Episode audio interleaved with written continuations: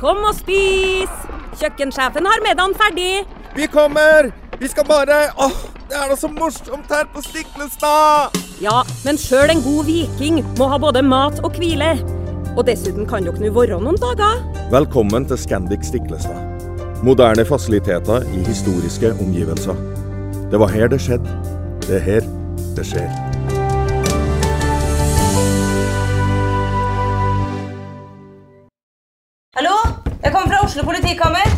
Ine Jansen er purk. Er du purk? The motherfucking bitch. Alt jeg vil, er å finne ut hva som skjedde med mannen min. Jon Carew. Er jeg sikta for noe? Iben Akeli. Det er du.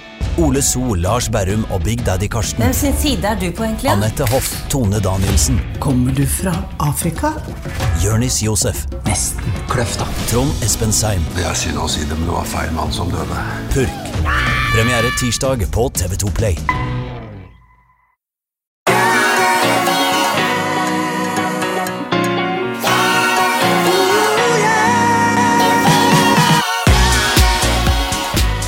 Ny episode av podkasten Jernsterk. Og igjen, Ole Petter, så har vi en eh, gjest. Thomas Stordalen, veldig hyggelig at du kunne komme. Du, Det er eh, fantastisk gøy å endelig kunne få lov til å sitte her sammen med dere. Det har jo vært en sånn eh, ting jeg har hatt på bucketlisten min eh, ganske lenge. Så eh, veldig stort for meg å kunne få lov til å være her sammen med dere, som jeg ser veldig opp til også. Så det er helt, eh, helt topp på en fredag. Det er hyggelig å høre, Thomas. Eh, jo, du skrev jo det på sosiale medier fordi at du har blitt veldig aktiv på sosiale medier. Du sprer det glade budskap om fysisk aktivitet, mosjon, fysisk trening, eh, og har jo fått en følgeskare inkludert oss på bakgrunn av det, for dette er, liksom, dette er en fyr som vil inspirere, tenker vi.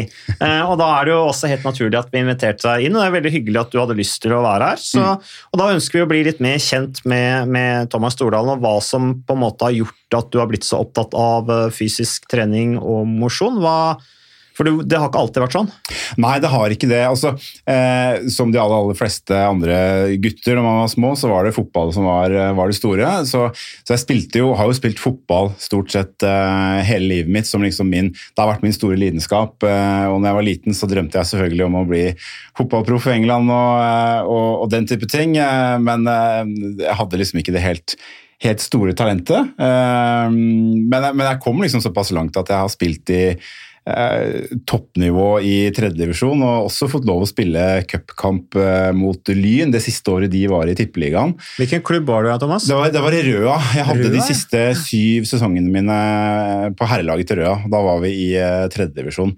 Uh, tidligere så hadde jeg en del, eh, noen år i Tollnes i Skien, og så hadde et par sesonger i, i Odd eh, i mine, mine yngre dager. Um, så har jeg på en måte alltid liksom vært, vært aktiv sånn sett, men, eh, men eh, aldri på noe sånn veldig stort, høyt nivå. da. Mer sånn for å være sammen med, gutta. Mm. Men, så, men så slutta du å trene, eller hva skjedde når du ble voksen? Det, det, det gikk vel litt nedover. Jeg dro i militæret da jeg var ganske ung, da jeg var 17 år. Så da jeg var ferdig med militæret, så, så var det sånn eh, veiskille. da. Skal man fokusere på kanskje jobb og utdannelse og den type ting. Selvfølgelig man begynte å fly litt etter damene og, og sånne ting, og da ble trening litt mer sånn irrelevant, da. Eh, mer sånn ok, man spilte fotball sammen med gutta, men, eh, men ikke, noe, ikke noe strukturert, da. Så, så, så jeg hadde aldri noe særlig plan på, på trening eh, egentlig ja, fram til 2013. Eh, men har altså alltid vært aktiv. Eh, men med den livsstilen jeg hadde i perioder, eh, så, så la jeg også veldig på meg over en lang periode. Man merker jo ikke en kilo i året før du står der og er nesten 140 kilo og bare tenker oi, hva har skjedd de siste 20 årene? Så du veide 140 kilo? Ja, det, det, topp, toppvekta mi var 136,5, og det var, det var rett før eh, nyttår 2013. Men så kan jeg jo legge til at du er jo relativt høy òg, da, Thomas. Ja, jeg er det. Jeg er jo nesten Jeg er vel kanskje 1,98-99, da. Så, eh, så andre så det kanskje ikke så veldig tydelig, men, men jeg så det jo veldig klart, eh, klart selv da når jeg sto der etter nyttårsfeiringa i 2012. Eh, ja, så meg selv i speilet. Da hadde jeg liksom nådd, nådd bunnen fullstendig, da, både fysisk og ikke minst mentalt. Kanskje, kanskje, kanskje mer mentalt da, og psykisk.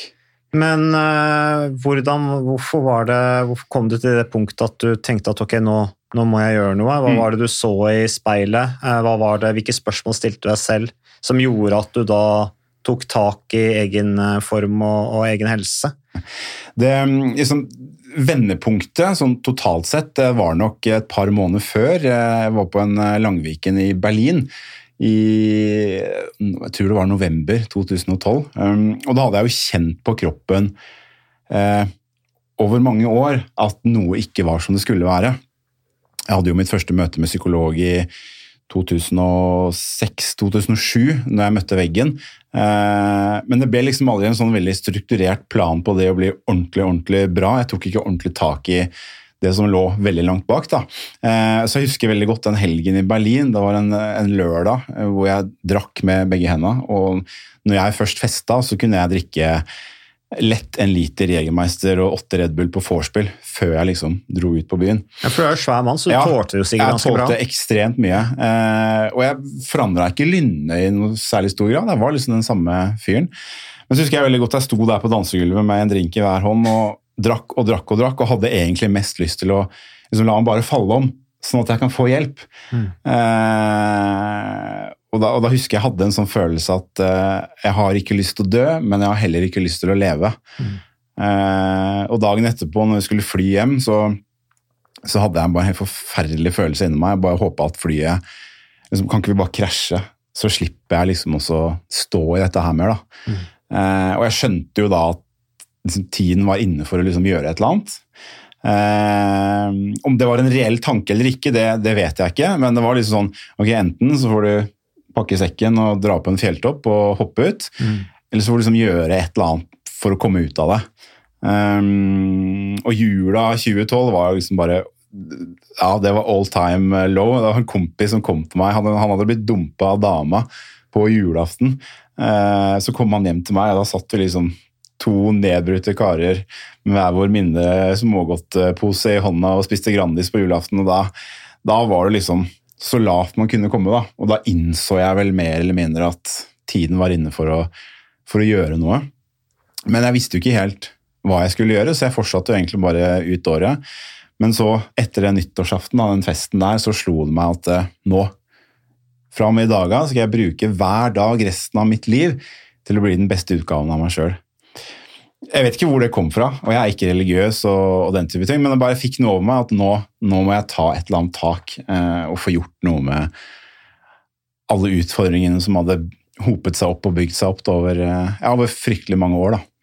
Så du var, tung, du var eh, kanskje feil å kalle deg tungt deprimert, men Ole Petter hørtes jo ut som Thomas var deprimert, i hvert fall. Og det kan du vel kanskje Det er vel sant òg? Ja, i hvert fall, hvert fall nå de siste eh, syv-åtte åra som jeg på en måte har blitt litt mer kjent med, med meg selv. da, Og liksom hodet mitt og hvordan ting fungerte og hvorfor ting ble som det ble. Og mye eh, stammer ifra barndom og oppvekst og den type ting. Så, så, så var jeg relativt eh, Ja, jeg vil jo kalle det deprimert. altså Var jo fryktelig eh, langt nede og hadde jo slitt med angst i veldig, veldig mange år. Selv om jeg ikke helt skjønte det da, så skjønner jeg det i dag. At jeg levde et dobbeltliv. da, At jeg var utad blant folk så var jeg den blide, utadvendte hurra meg-gutten som bare smilte. Mens hjemme i sofaen så var det fosterstilling og relativt ja, tunge, mørke tanker veldig ofte. da. Du var flink til å holde fasaden, altså. Ja, jeg var veldig flink til å holde fasaden. Det var, eh, eh, det var ikke mange som, som så det. Jeg tror nesten ingen. Jeg snakka heller ikke om det til, til så veldig mange. Men det er jo gjerne regelen, det, heller enn unntaket. Det er jo fortsatt sånn, selv om det har blitt litt mer åpenhet rundt det, at eh, det å snakke om mentale utfordringer, det, det har en helt annen terskel for folk enn fysiske plager. ikke sant? Vi Ja. har fortsatt sånn rangering at fysiske plager de er greie å fortelle andre om. Mm. Ingen som har noe problem med å snakke om en vond menisk. Nei. Men uh, angst, uro, nedstemthet, det er fortsatt uh, sånn veldig, veldig mange holder for seg selv. Ja. Og, og det er jo eh, selvfølgelig ikke bra med tanke på å bli litt bedre. Så jeg skal jo være varsom med å stille noen diagnose på sparket, men det er klart når du er i en situasjon, og da mener jeg ikke godteposen og Grandisen på julaften, men det at du ikke vet om du har lyst til å leve lenger, og faktisk tenker tanken på at du skal gjøre det slutt, så, så er det åpenbart at da, da er vi over på en diagnose, ja. Ja, definitivt. Eh, så det er jo fantastisk at du klarte å ta å komme til det punktet Mm. eh, hvor du tenkte at her må jeg faktisk gjøre noe. Men hadde du Du nevnte så vidt litt om det, men for nå snakket vi jo mest om vekten din, og du hadde ikke Mm. beveget deg så mye, men så sier du at det var en del bagasje du hadde med deg. Mm. Er, det, er det noe du er komfortabel med å snakke litt om? Ja, ja det, det har jo vært liksom en viktig del av, eh, av min reise de siste årene. Å, velge eh, 100% åpenhet i forhold til hva jeg selv har opplevd. Eh, og selvfølgelig, det har jo kommet med en pris eh, som eh, har Jeg tror ikke det har vært veldig belastende for familien min, for jeg har stort sett fått veldig støtte av de som jeg fortsatt har, da. Men tipper at for noen eh, var det nok litt eh, sjokk da, å liksom lese om seg selv i en eller annen lokalavis eller, ja, og føle at eh, dette traff meg. Men ja, det, for meg så har det vært veldig viktig å være åpen om min oppvekst og min barndom. Og, eh, og, jeg står for alt det jeg har sagt, og jeg står for alt eh, jeg på en måte har tatt tak i da, i forhold til det jeg føler som en omsorgssvikt som er blitt gjort av, av ja, voksne folk rundt meg, da, på en måte. Ja, så det, så det er litt av, av forhistorien, da. Ja. Eh, Dette med Mm. omsorgssvikt i Ja. barndommen Mm. og ungdom. Det er ikke noe tvil om. Kan ikke du bare fortelle lytterne våre litt eh, om hva det handler om, som du er gjengitt i lokale mediene, så, Mm. så, så de, de henger litt med på hva, hva vi snakker om her nå? Mm. Nei, altså det, jeg, er jo, eh, jeg er jo født i 77, og mine foreldre skilte seg ganske fort etter at jeg ble født. Sånn at jeg vokste opp sammen med moren min eh, og en yngre halvbror som heter Frode. Mm, og det er klart jeg ble jo dratt litt mellom Jeg var hos faren min sånn annenhver helg-opplegg og ferier, og så var jeg hjemme hos mor ellers. Um, og det, sånn barndomsmessig så funka vel egentlig greit fram til jeg var en åtte, kanskje ti år, da. Fram til 87. Og da kom det en person inn i mamma sitt liv som jeg ikke helt fikk et veldig eh, godt, en god relasjon til, da. Eh, Og det er jo ganske vanlig. ja, Mm. det, det, det er en klassisk. Jeg, jeg følte ikke at jeg fikk liksom den kjærligheten og oppmerksomheten som, som et barn skal få. da, eh, Og for så vidt tidlig, tidlig ungdom. Så det endte jo med at vi hadde et forferdelig vanskelig forhold. Eh, Jeg likte ikke han, han likte ikke meg, og, og, og til slutt så endte det med at han, han skambanka meg én gang. Så, altså, sånn sett har jeg vært heldig. Man hører jo historier om de som får bank ganger til gang etter gang etter gang. etter gang. Eh, men den ene gangen den vil jo være med meg eh, resten av livet. Og så har du alt det psykiske rundt. da. Men jeg, jeg, har bare lyst til å si, jeg, Ja. jeg, vil jo, jeg reagerer jo litt på at du sier at du, du var heldig som bare ble Ja. skambanka én gang. Jeg, for jeg tenker nå, Det er jo noe voksne absolutt ikke Nei. skal gjøre. Og det der, det setter Det er jo faktisk det, kriminelt. Ja, det, det, det, det der setter varige spor. ja, det, Eh, Så, men eh, det, det, eh, og det gjør det. Og, den gangen der så Jeg var jo bare 16-17 år, så jeg visste jo jeg visste ikke helt hva jeg skulle gjøre med det. Det jeg sånn umiddelbart skjønte litt sånn i etterkant, var at jeg må bare, her må bare komme meg, komme meg vekk. Eh, Her kan jeg ikke være. Um, så, så jeg dro da i militæret ganske tidlig, når jeg var 17 år, og ble jo veldig fort, fort voksen.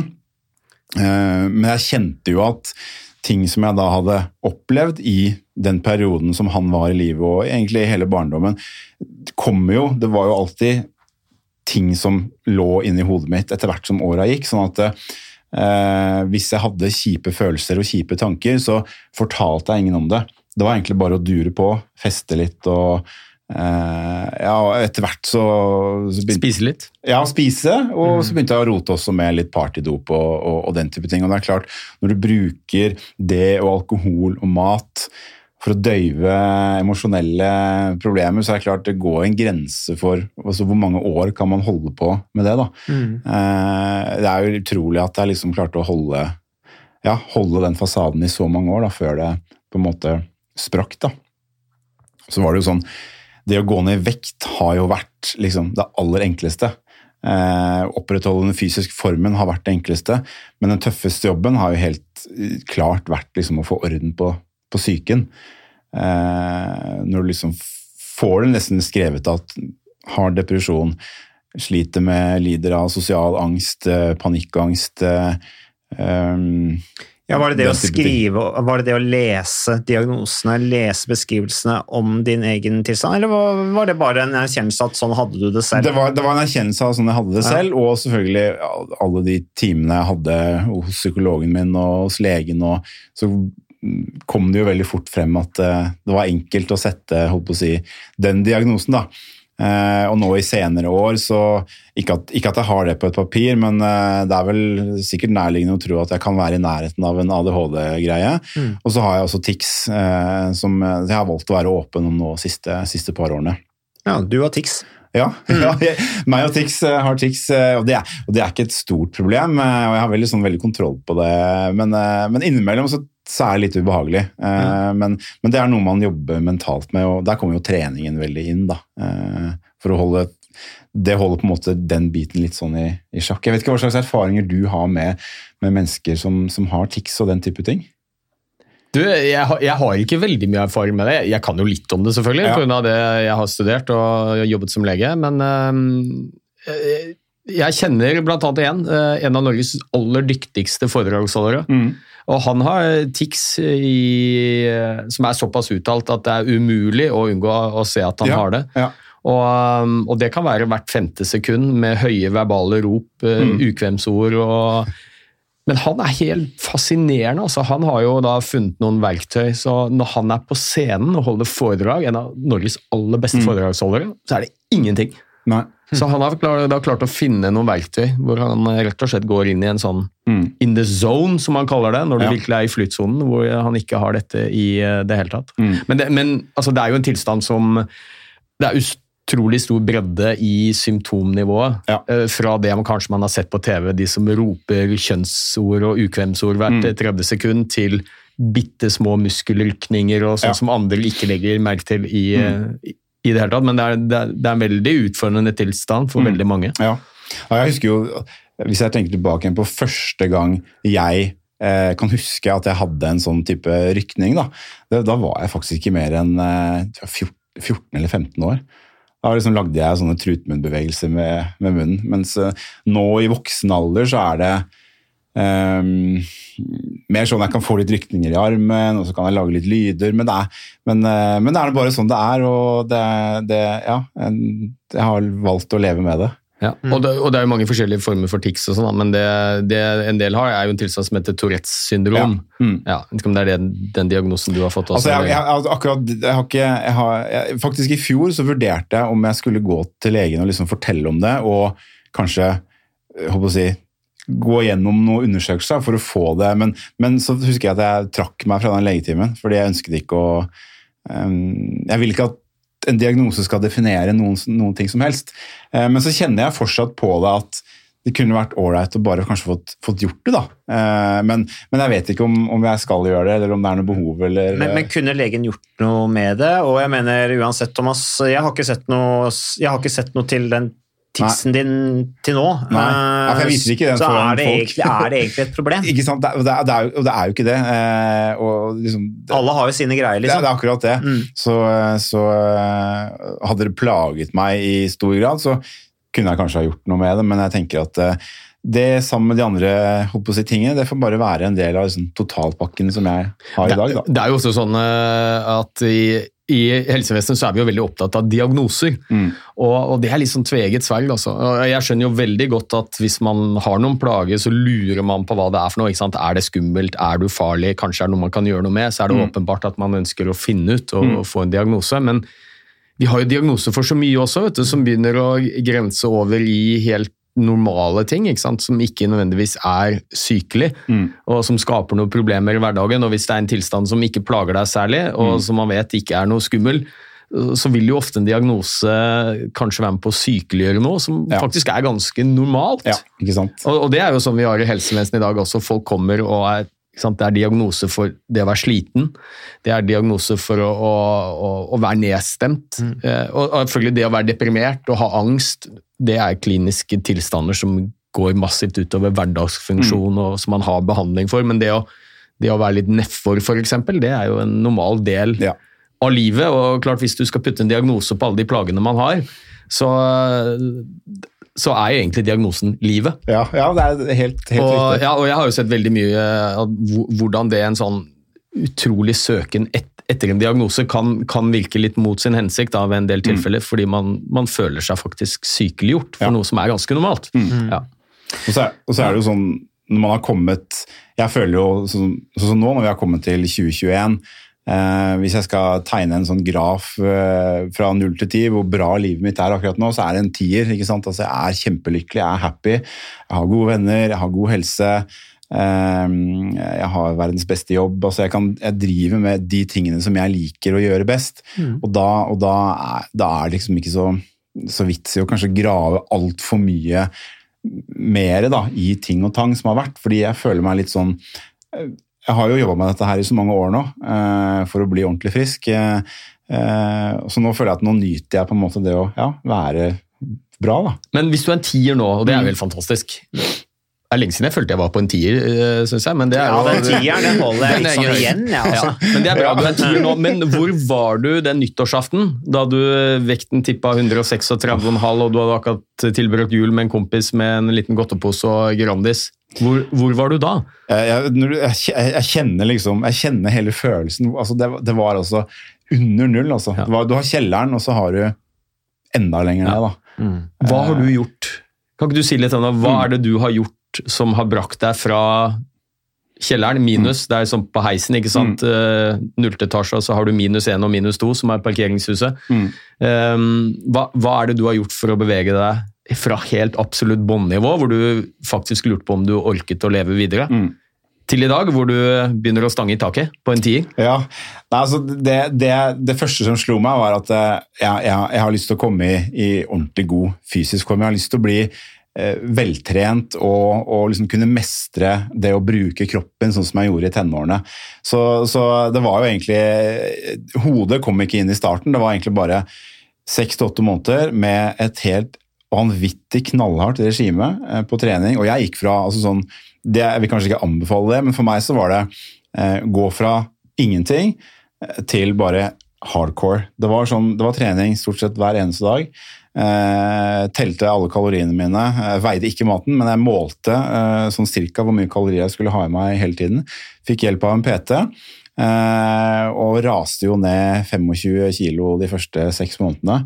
Det var vel det var vel skal vi si, januar, februar, mars, april. Etter fire måneder så ble jeg oppfordra av en venninne til å bare stille opp et løp. Jeg hata jo å løpe. Det var det verste jeg visste. Alle de åra jeg spilte fotball, var desidert dårligst eh, trent på laget. Men da var du tung òg, ikke sant? Så det er ikke så rart du syns det var Nei, tungt å løpe. Så det var, så det var helt, det var helt pyton. Um, og så var jeg med på sentrumsløpet, uh, og det å fullføre det på sånn rett under 50 minutter med tusenvis av mennesker, det ga jo en ekstremt mestringsfølelse. Uh, og liksom bare det å oppnå Det var ikke et mål, det var sånn, men, men allikevel, jeg følte at det her oppnådde jeg et eller annet som var ganske stort. da. Uh, Som du hadde klart sjøl? ja, som jeg, jeg selv, med, liksom, med mine sko og med liksom, Jeg hadde jo ikke noe forhold til liksom, bra løpesko eller løpetøy. altså det var jo bare, Jeg stilte opp med det jeg hadde, og det var helt, eh, helt rått. Og Så fikk jeg også et tips fra en på jobben. Når du først liksom er i gang, så kan du kanskje løpe en maraton òg. Eh, da hadde jeg nest, altså april, og så to måneder til maraton. Hadde jo ikke løpt eh, lenger enn 12-13 km, kanskje. Ja ja, vi får melde oss på Nordmarka skogsmaraton. Um, og, det, og det er jo ikke den letteste å begynne med. Den er veldig flott. Den er veldig kupert Den er og tungt terreng, er, den er blytung. Og jeg med friskt mot ikke sant, fortsatte treninga mi, og, og, og så begynte jeg så smått da, å touche litt inn på dette her med liksom det mentale. At ok, treninga den, den gir meg en fysisk tilfredsstillelse, men nå kjenner jeg også at faen, nå begynner jeg å bli psykisk sterkere enn hva jeg har vært noen gang. Begynner jeg å bli kjent med hvem, hvem er det jeg egentlig er? Eh, hva er det Thomas står for? Hva slags verdier er det jeg har? Sånne ting som jeg aldri før hadde toucha inn på. Og det begynte med noe så banalt som at jeg satt og så på sånne motivational videos eh, på, på YouTube med Arnold Schwarzenegger og alle disse her eh, Tony Robbins og jeg ble liksom veldig Var det sånn sånn you can do it? ja, ja, det var liksom veldig sånn Det er veldig sånn der eh, svevende, men, men det traff meg veldig, da. Og så begynte jeg å grave ja, dypere og dypere i, i det, og så hadde jeg gode samtaler med psykologen min underveis, og så ble det en sånn fysisk og en mental gevinst ut av dette her, da. Ja, fordi Utgangspunktet var jo vekta. At du ville gå ned i vekt, du ville se bedre ut. Mm. Eh, og da fysiske målsettinger i form av å løpe litt fortere, være med i arrangement. Men så, etter en stund, så begynte du å skjønne at dette her også påvirker deg mentalt. Mm. Et, også, og, og, og helt seriøst, når når jeg begynte å skjønne det, så det var jo da da ble jeg litt, litt nedbrutt, fordi da skjønte jeg jo at ok, den fysiske jobben den var ganske enkel, men skal jeg virkelig få det ordentlig bra med meg selv i det livet jeg hadde lyst til å få, så måtte jeg ta et oppgjør med eh, 30 år da, som lå bak meg i forhold til barndom, oppvekst, ungdomstid, eh, tidlig voksentid. Eh, liksom, jeg måtte virkelig grave Ja, jeg, jeg la absolutt alle korta på bordet for meg selv. Plukka hele oppveksten, altså hele livet mitt fra hverandre. da, Og prøvde å liksom bygge Skal jeg først gjøre dette, her, så skal jeg faen meg gjøre det 100 eh, Ukas annonsør det er eh, HelloFresh. Og eh, hvis du nå går inn på hellofresh.no og bruker koden 'fresh hjerne', så kan du få opptil 1779 kroner rabatt på da de fem første matkassene dine hvis du ikke har prøvd HelloFresh enda. Og Ole Petter, vi er jo glad i HelloFresh i podkasten Hjernesterk, eh, selvfølgelig fordi at de er en annonsør. De er med og bidrar til å spre det glade ordet om fysisk aktivitet og god helse. Men i tillegg så har jo vi også nå lang erfaring med HelloFresh Fresh selv. Så vi må jo si at det har vært gode erfaringer til nå. Ja, absolutt. Visste du, Mats, at HelloFresh det er faktisk verdens ledende matkasseleverandør? Og tilbudene til HelloFresh gjør det enkelt å lage gode og varierte retter som skaper matglede. Og matglede vet du, det er like viktig som hva du putter i munnen. Det å spise mat med folk du trives med.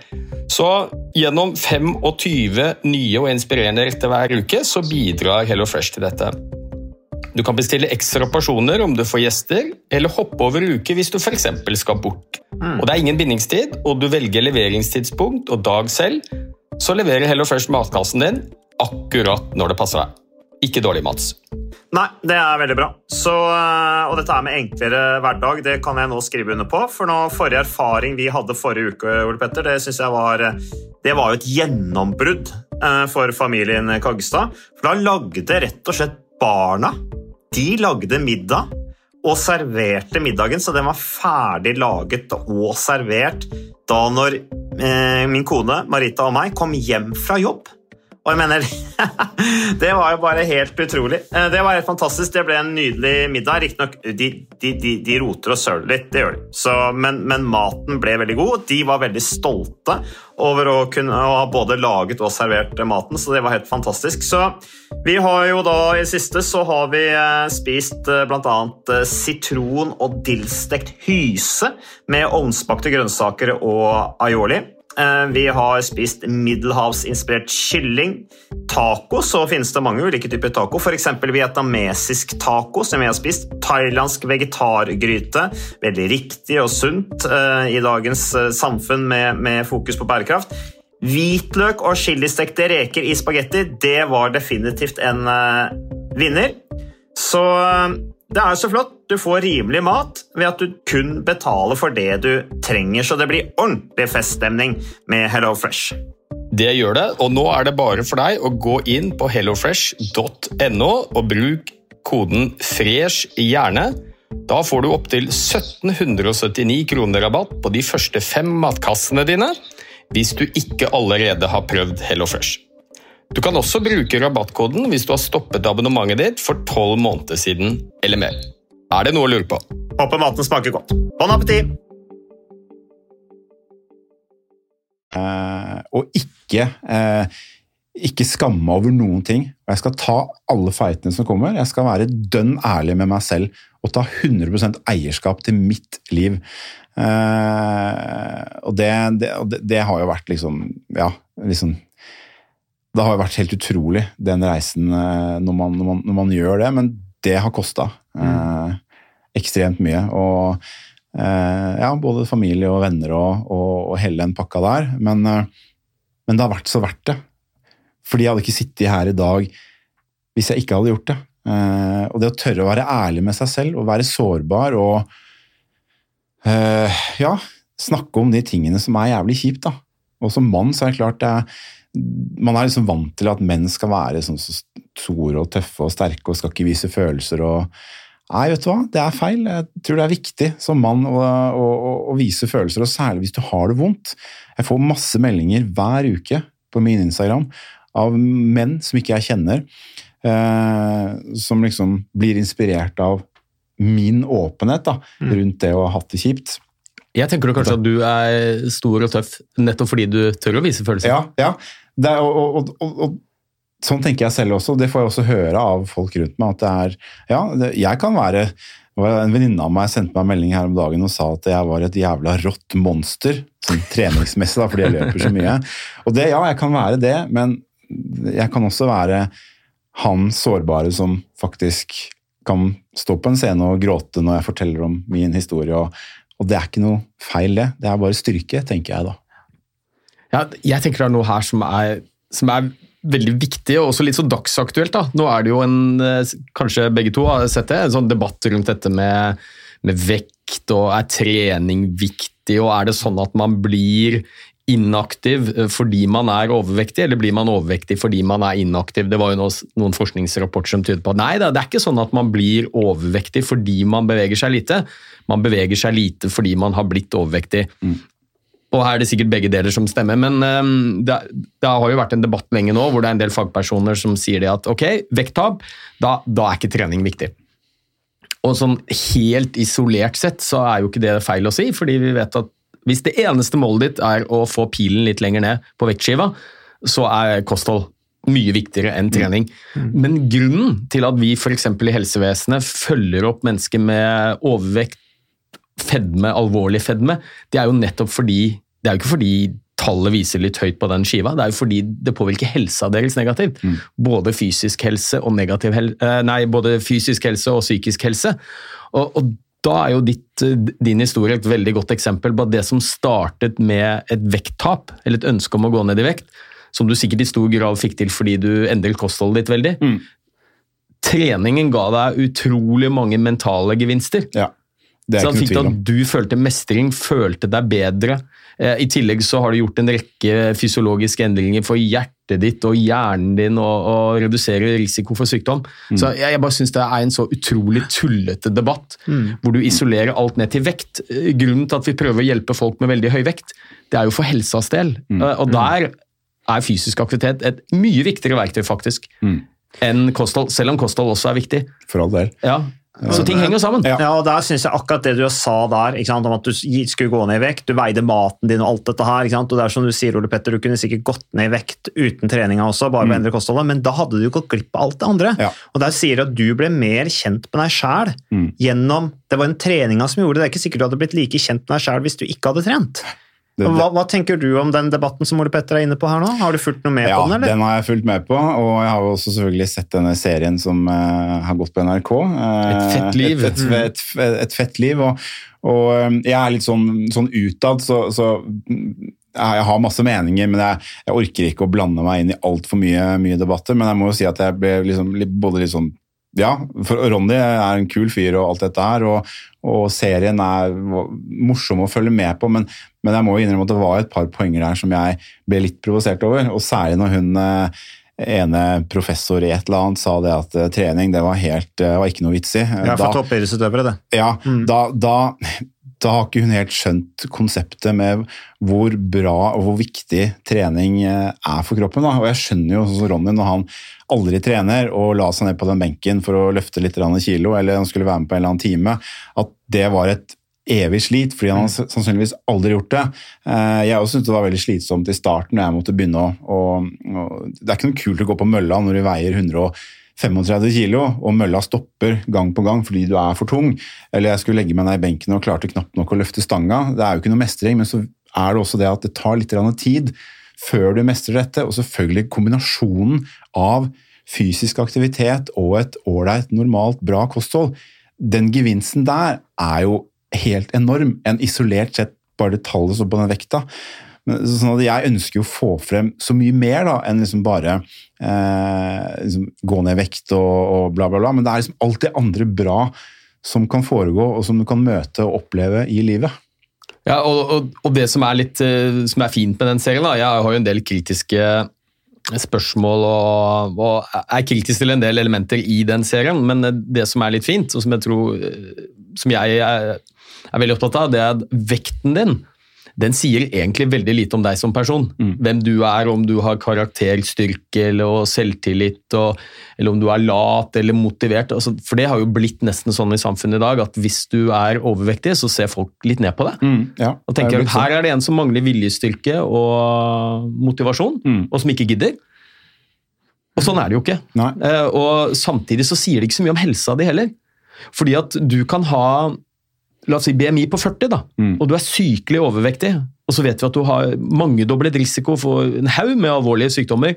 Hvis du begynner å bevege deg litt i hverdagen, uavhengig om du går ned i vekt, du er på stedet hvil i vekt, men så bytter du ut litt fettvev med litt muskelmasse, og det gjør noe med blodtrykket ditt og kolesterol og blodsukkerregulering, selv om vekta viser det samme, så har du en mye bedre helse. Mm.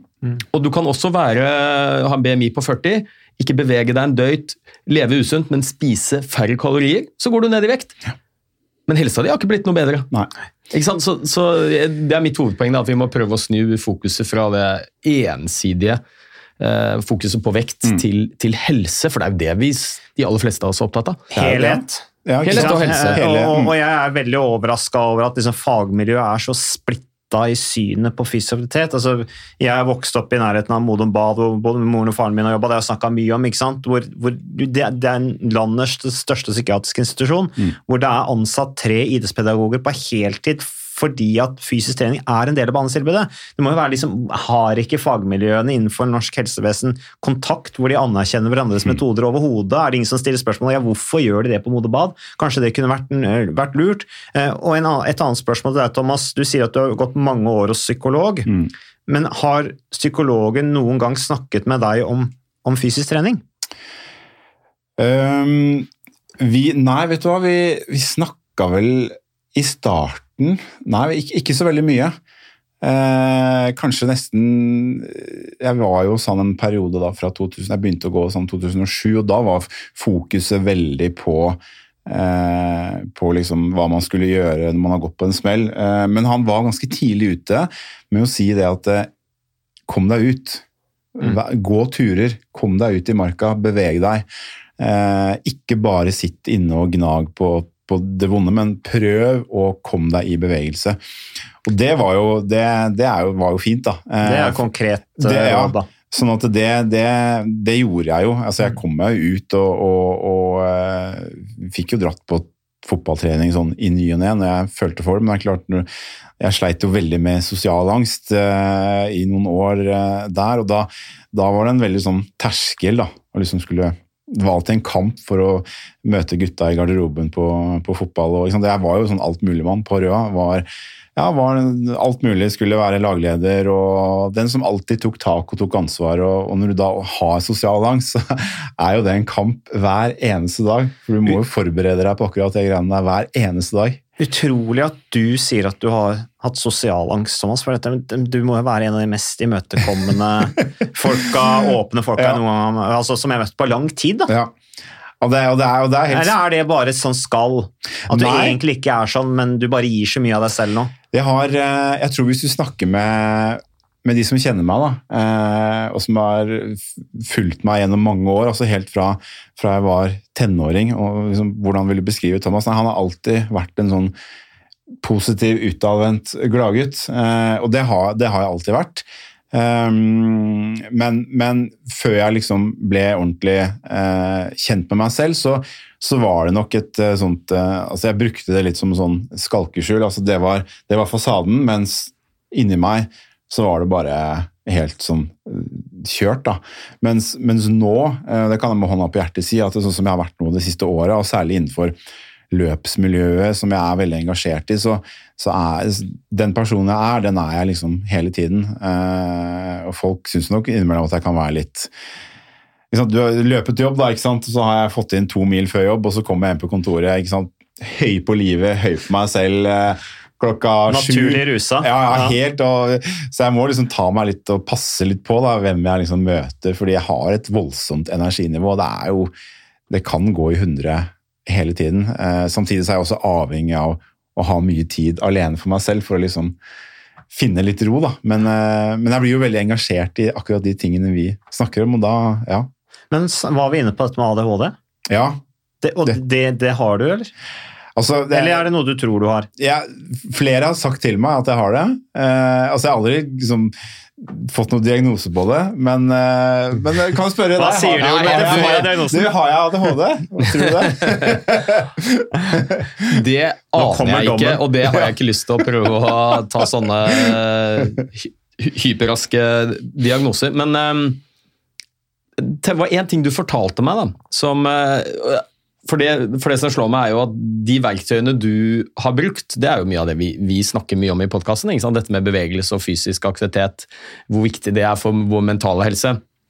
Men du har jo gått veldig langt. fordi når noen spør meg ikke sant, jeg, sier jeg sliter litt med nedstemthet og litt angst og uro, har du noen tips, doktor?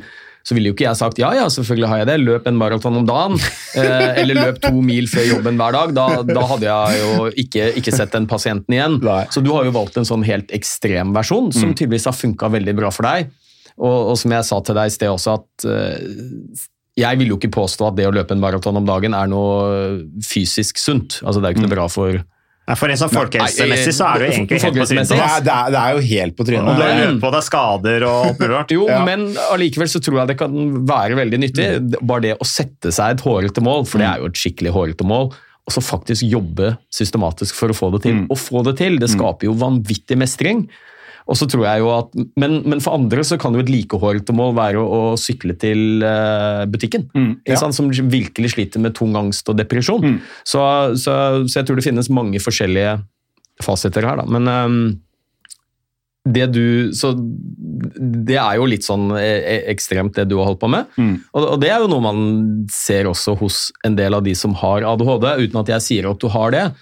For det handler jo litt om en kjemisk belønning også, og vi vet at de som har ADHD, de har litt sånn nedsatt følsomhet i belønningssenteret sitt. Det vil si at de må ha en mye større kick for å få samme belønning som kanskje en annen person ville fått ved å gå seg en tur. ikke? At, eh, og det er jo blant annet det som gjør at det er en sånn sammenheng mellom det å ha ADHD og være såkalt sensation seeker.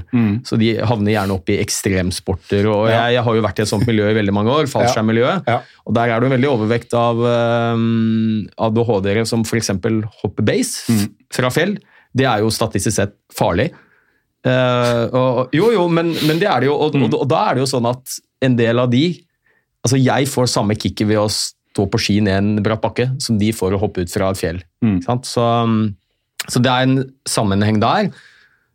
Og så er det en annen ting som du nevnte, og det er jo det med omsorgssvikt. Eh, og der begynner vi faktisk å bli klar over at det, det er en risikofaktor for å utvikle ADHD. Ja.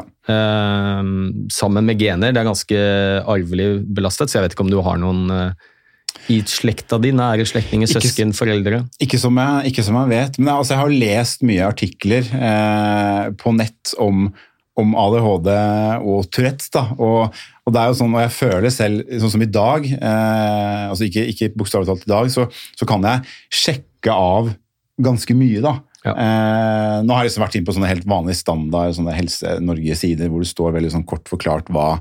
Eh, så så det, det, det henger jo litt sammen, at det her som du sier med sånn sensation seeking og med, med løping, da, som for meg har blitt mer sånn Jeg ser jo hele tiden etter å presse de derre For jeg, det, det gir meg en sånn ekstrem mental tilfredsstillelse å kunne bare gå ut og løpe fem mil uten at det koster meg noen ting, og så vet jeg at det kan jeg også gjøre om tre dager hvis jeg vil det. Eh, og det var jo sånn da jeg løp disse syv maratonene i, i fjor, så gikk det jo lettere og lettere for hver dag. Og når jeg var ferdig med de syv, så visste jeg jo det at neste år, da skal jeg løpe 30. Det er jo liksom galskap, men jeg, for at jeg skal ha det bra i mitt liv, da, så, er, så jeg trigges av de tingene der. Og hvis jeg kan bruke det som et lite verktøy til å inspirere tusenvis av andre til å ta bitte, bitte små grep i sitt liv, eh, ja, da, da har jeg på en måte gjort, gjort mitt, da. Men er du opptatt av å finne ut om du har ADHD, eventuelt få diagnosen? Ehm, ja, ja, faktisk. Ja, er det viktig for deg å vite? Nei, nei, altså, det, er, ehm, altså sånn, det, jeg, har tenkt, det er, jeg har tenkt mye på det siste ja, seks til åtte månedene. Um, og så he, noen dager så tenker jeg at det hadde vært sånn kult å bare sette på et papir. Ja, du har ADHD. Greit. På den annen side så det er jo ikke noe det spiller ikke noen rolle, fordi det definerer ikke meg som person. Det var en venninne som sa det veldig fint til meg. altså Uansett om du har den oppveksten du har hatt, eller psykiske problemer, eller ADHD, eller whatever, se hvor du er i dag. Det er det som betyr noe. Hvem du er som person i dag, er det som betyr noe. Ikke at det eh, står på et papir at du har den og den diagnosen. Ja, for Hva skal du gjøre da? Skal du behandle deg med medisin? Nei, ikke eller? sant? Du, skal Ikke du skal jo bare leve det livet du Ja, lever. ikke gjort- Du, du skal jo leve med det best mulig til tross for. Ja, og det er jo sånn hvis jeg hadde gått til deg da nå i, i et halvt år for å finne ut av dette, og så ja, går det da tre måneder også. Ja, Thomas, du har ADHD. Det hadde jo ikke endra på noen ting i mitt liv. Det hadde jo ikke endret på en puck. For noen Som- så vil de jo gjøre det, ikke sant? Ja. Fordi du, du har jo noen som har symptomer som passer med ADHD, hvor Mm. det virkelig går utover livskvaliteten deres. De har problemer på skolen, de kan ha problemer i relasjoner, på jobben, hvor det er dette med konsentrasjonsvansker, hyperaktivitet osv. som virkelig skaper problemer for dem i hverdagen. Eh, Så, så tenker jeg at det kan være nyttig å, å å få kartlagt det for oss, for da er det litt, mer, litt lettere å få aksept og få et behandlingstilbud, og det kan være alt fra fysisk aktivitet, samtaleterapi, til medisiner for de få som har nytte av det. Da. Men jeg tenker når du eh, Sånn som du beskriver det, så høres det jo ut som dette kanskje mer er noe som er positivt i livet ditt Ja, er, eh, enn noe negativt. Og, jeg er veldig opptatt av å snakke om det at vi har altså Hvis du går inn på sånn kartleggingsskjema, og det er 17 sider, du skal svare på spørsmål eh, for å finne ut om du har ADHD, så har vi jo et snev av det alle sammen. Ja. Og, og det er jo en veldig glidende overgang.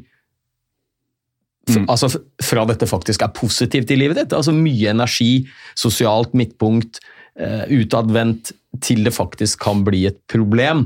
Så, så jeg pleier jo mye å snakke om ADHD. Det er ikke en sykdom, men det er en tilstand. Ja. Men som faktisk skaper litt problemer for oss i dag, fordi at uh, vi lever helt annerledes i livet enn det vi har gjort før. Vi må sitte stille på skolen, og, og folk som er veldig aktive, som er helt genetisk naturlige for oss, de blir jo nå sett på som unormale, fordi vi beveger oss så lite i hverdagen. Så jeg er sånn veldig varsom med å anbefale de som kanskje tror de har ADHD, men som ikke har noen plager med det i det hele tatt. Kanskje til og med heller opplever det som en ressurs. Ja. Hvorfor vil du da vite at du har ADHD? Mm. Fordi, for jeg, tenkte, det er en del ting som er viktig å huske på. Som en god kompis av meg som er lege i dag, han har ADHD, har fått den diagnosen i barndommen. Han er superressurssterk, superflink. Han er lege, han eh, fungerer på alle mulige måter, men han opplever at det er vanskelig når han skal søke om jobb. Så vil han ikke legge ved det at han har ADHD. Mm. Altså Det vil han holde hemmelig, for han vet at da er det mange som plutselig ikke Ja. er like in interessert i å an ansette ham. Så um, man bør ikke lage et problem ut av noe som faktisk ikke er det. Nei, det er helt, eh, he- helt riktig. Og, og, og jeg bruker jo holdt på å si, mitt energinivå til noe positivt, da. Eh, og prøver å gjøre det så godt jeg kan. Og så er jeg også veldig glad for at jeg har klart å finne en balanse mellom sånn som eh, Jobben jeg har, da, jeg jobber med IT eh, og sitter, sitter veldig mye og fokusert eh, på skjermer. og der er det ganske sånn Det skjer mye, men det er ikke så mye sånn, det er ikke så mye telefoner, det er ikke så mye sånn, man snakker ikke med så veldig mange sånn, sånn face to face, man sitter og overvåker og passer på. Og Det er veldig sånn ro, og der får jeg en ekstremt kontrast til det å være den der livlige, energiske på jobben, så kan jeg på en måte gå inn i en veldig sånn boble og være 100% fokusert på det jeg skal gjøre der. Eh, og, samtidig, når jeg er hjemme og kobler av, slapper av, så klarer jeg også å skru av det der behovet for å eh, liksom måtte være høyt og lavt. Eh, Men jeg kjenner jo veldig på det at jeg noen ganger må være flinkere til å ha litt mer ro i livet mitt. Da, fordi jeg har jo et energinivå som er, som er ganske høyt. Da. Eh, og jeg får jo tilfredsstilt mye av det ved all den løpingen. Det er jo, et, det er jo et, en, en, en medisin, et verktøy for å få mer ro, da, kan Men, du si. men jeg tenker, Thomas, at den, altså det, den energien du føler nå, er en positiv energi Mm. som du også har fått, som du blir begeistra av Ja. også, da. Som Mm. inspirerer deg, du på en måte inspirerer deg selv. Mm. uh, og at det kanskje Ja, da, da er jo det en, en vei du nå er på som du er fornøyd med. 100 Og så er det jo veldig Jeg er liksom veldig opptatt av liksom, Ja, det er kult det du gjorde i går, men hva gjør du i dag for å ha en påvirkning i ditt liv og andres liv? Eh, men, jeg, men jeg må jo få lov til å skryte, og jeg er veldig stolt av alt jeg har gjort de siste årene, fra jeg endra livet mitt i 2013 og fram til nå. Hva min endring har ført til av muligheter i eget liv, som igjen da har ført til enda mer mestring, enda mer godfølelse, fått enda mer venner. Jeg har fått eh, reist verden rundt og vært med på løp i Afrika, jeg har vært i Chile, jeg har vært i Tyskland, eh, i sveitsiske alper. Jeg har fått lov å være med på så innmari mye eh, av den jeg er, da, at jeg har på en måte klart å eh, skape meg et uh, bitte lite navn i et kjempestort miljø. og så eh, det å kunne få lov til å være med på å inspirere andre til mer bevegelse, eh, er jo noe som jeg er ekstremt stolt av, og jeg har jo funnet en vei i livet nå som, som funker veldig bra for meg. og da ser jeg liksom ikke noen grunn til å sette på gass, eller bremsen, da, for å si det sånn. Nei, treninga og løpinga har skapt masse muligheter. Ja, Eh, og opplevelser, eh, vennskap, kontakter. ikke sant? Så, så det ligger mye i det. Men eh, Thomas, du skal jo videre på jobb. Eh, Jeg syns det var fantastisk gøy å ha deg med. Eh, veldig glad for at du kunne delta også. Eh, fascinerende historie, syns jeg. Utrolig åpent. Måten du legger det fram på, det synes jeg det har jeg respekt for. Eh, og så tror jeg også at det er kjempebra med de som kan høre på denne podkasten her og, og høre din historie, og tenke at liksom, ja, det kunne kanskje gjelde meg òg. det er ab- absolutt inspirerende, selv om man ikke trenger å løpe maraton hver dag.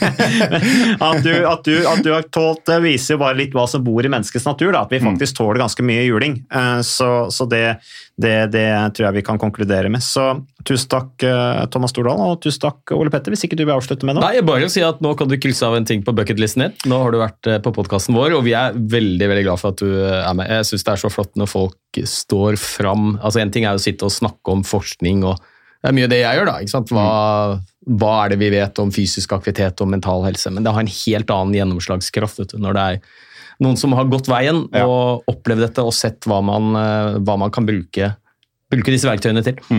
Ja, det blir sånn, Vi sitter tilbake, og så tenker blir sånn, du, du reflekterer over det du sier, og så lærer man jo litt av det også, selv du, tenker jeg, Ole Petter. Så- Selv meg? Ja, ja, ja, kan jeg er jo ikke noe annerledes enn andre. Jeg, jeg Ja. lærer masse. Jeg, jo, men det er noe av det mest lærerike. Jeg lærer mye mer av å sitte og høre på Thomas enn å lese forskningsrapporter og bøker.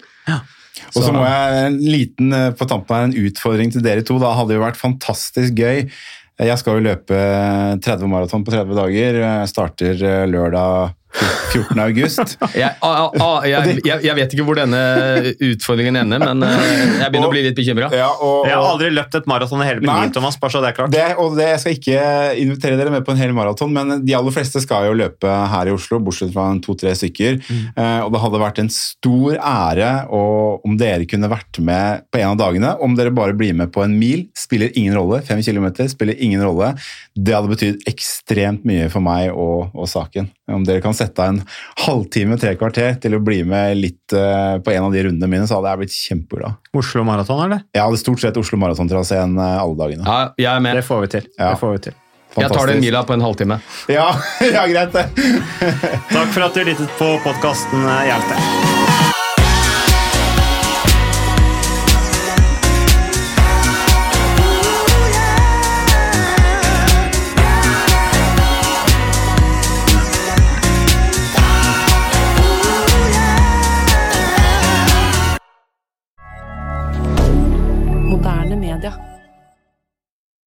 Har du et enkeltpersonforetak eller en liten bedrift? Da er du sikkert lei av å høre meg snakke om hvor enkelt det er med kvitteringer og bilag i fiken, så vi eh, gir oss her, vi.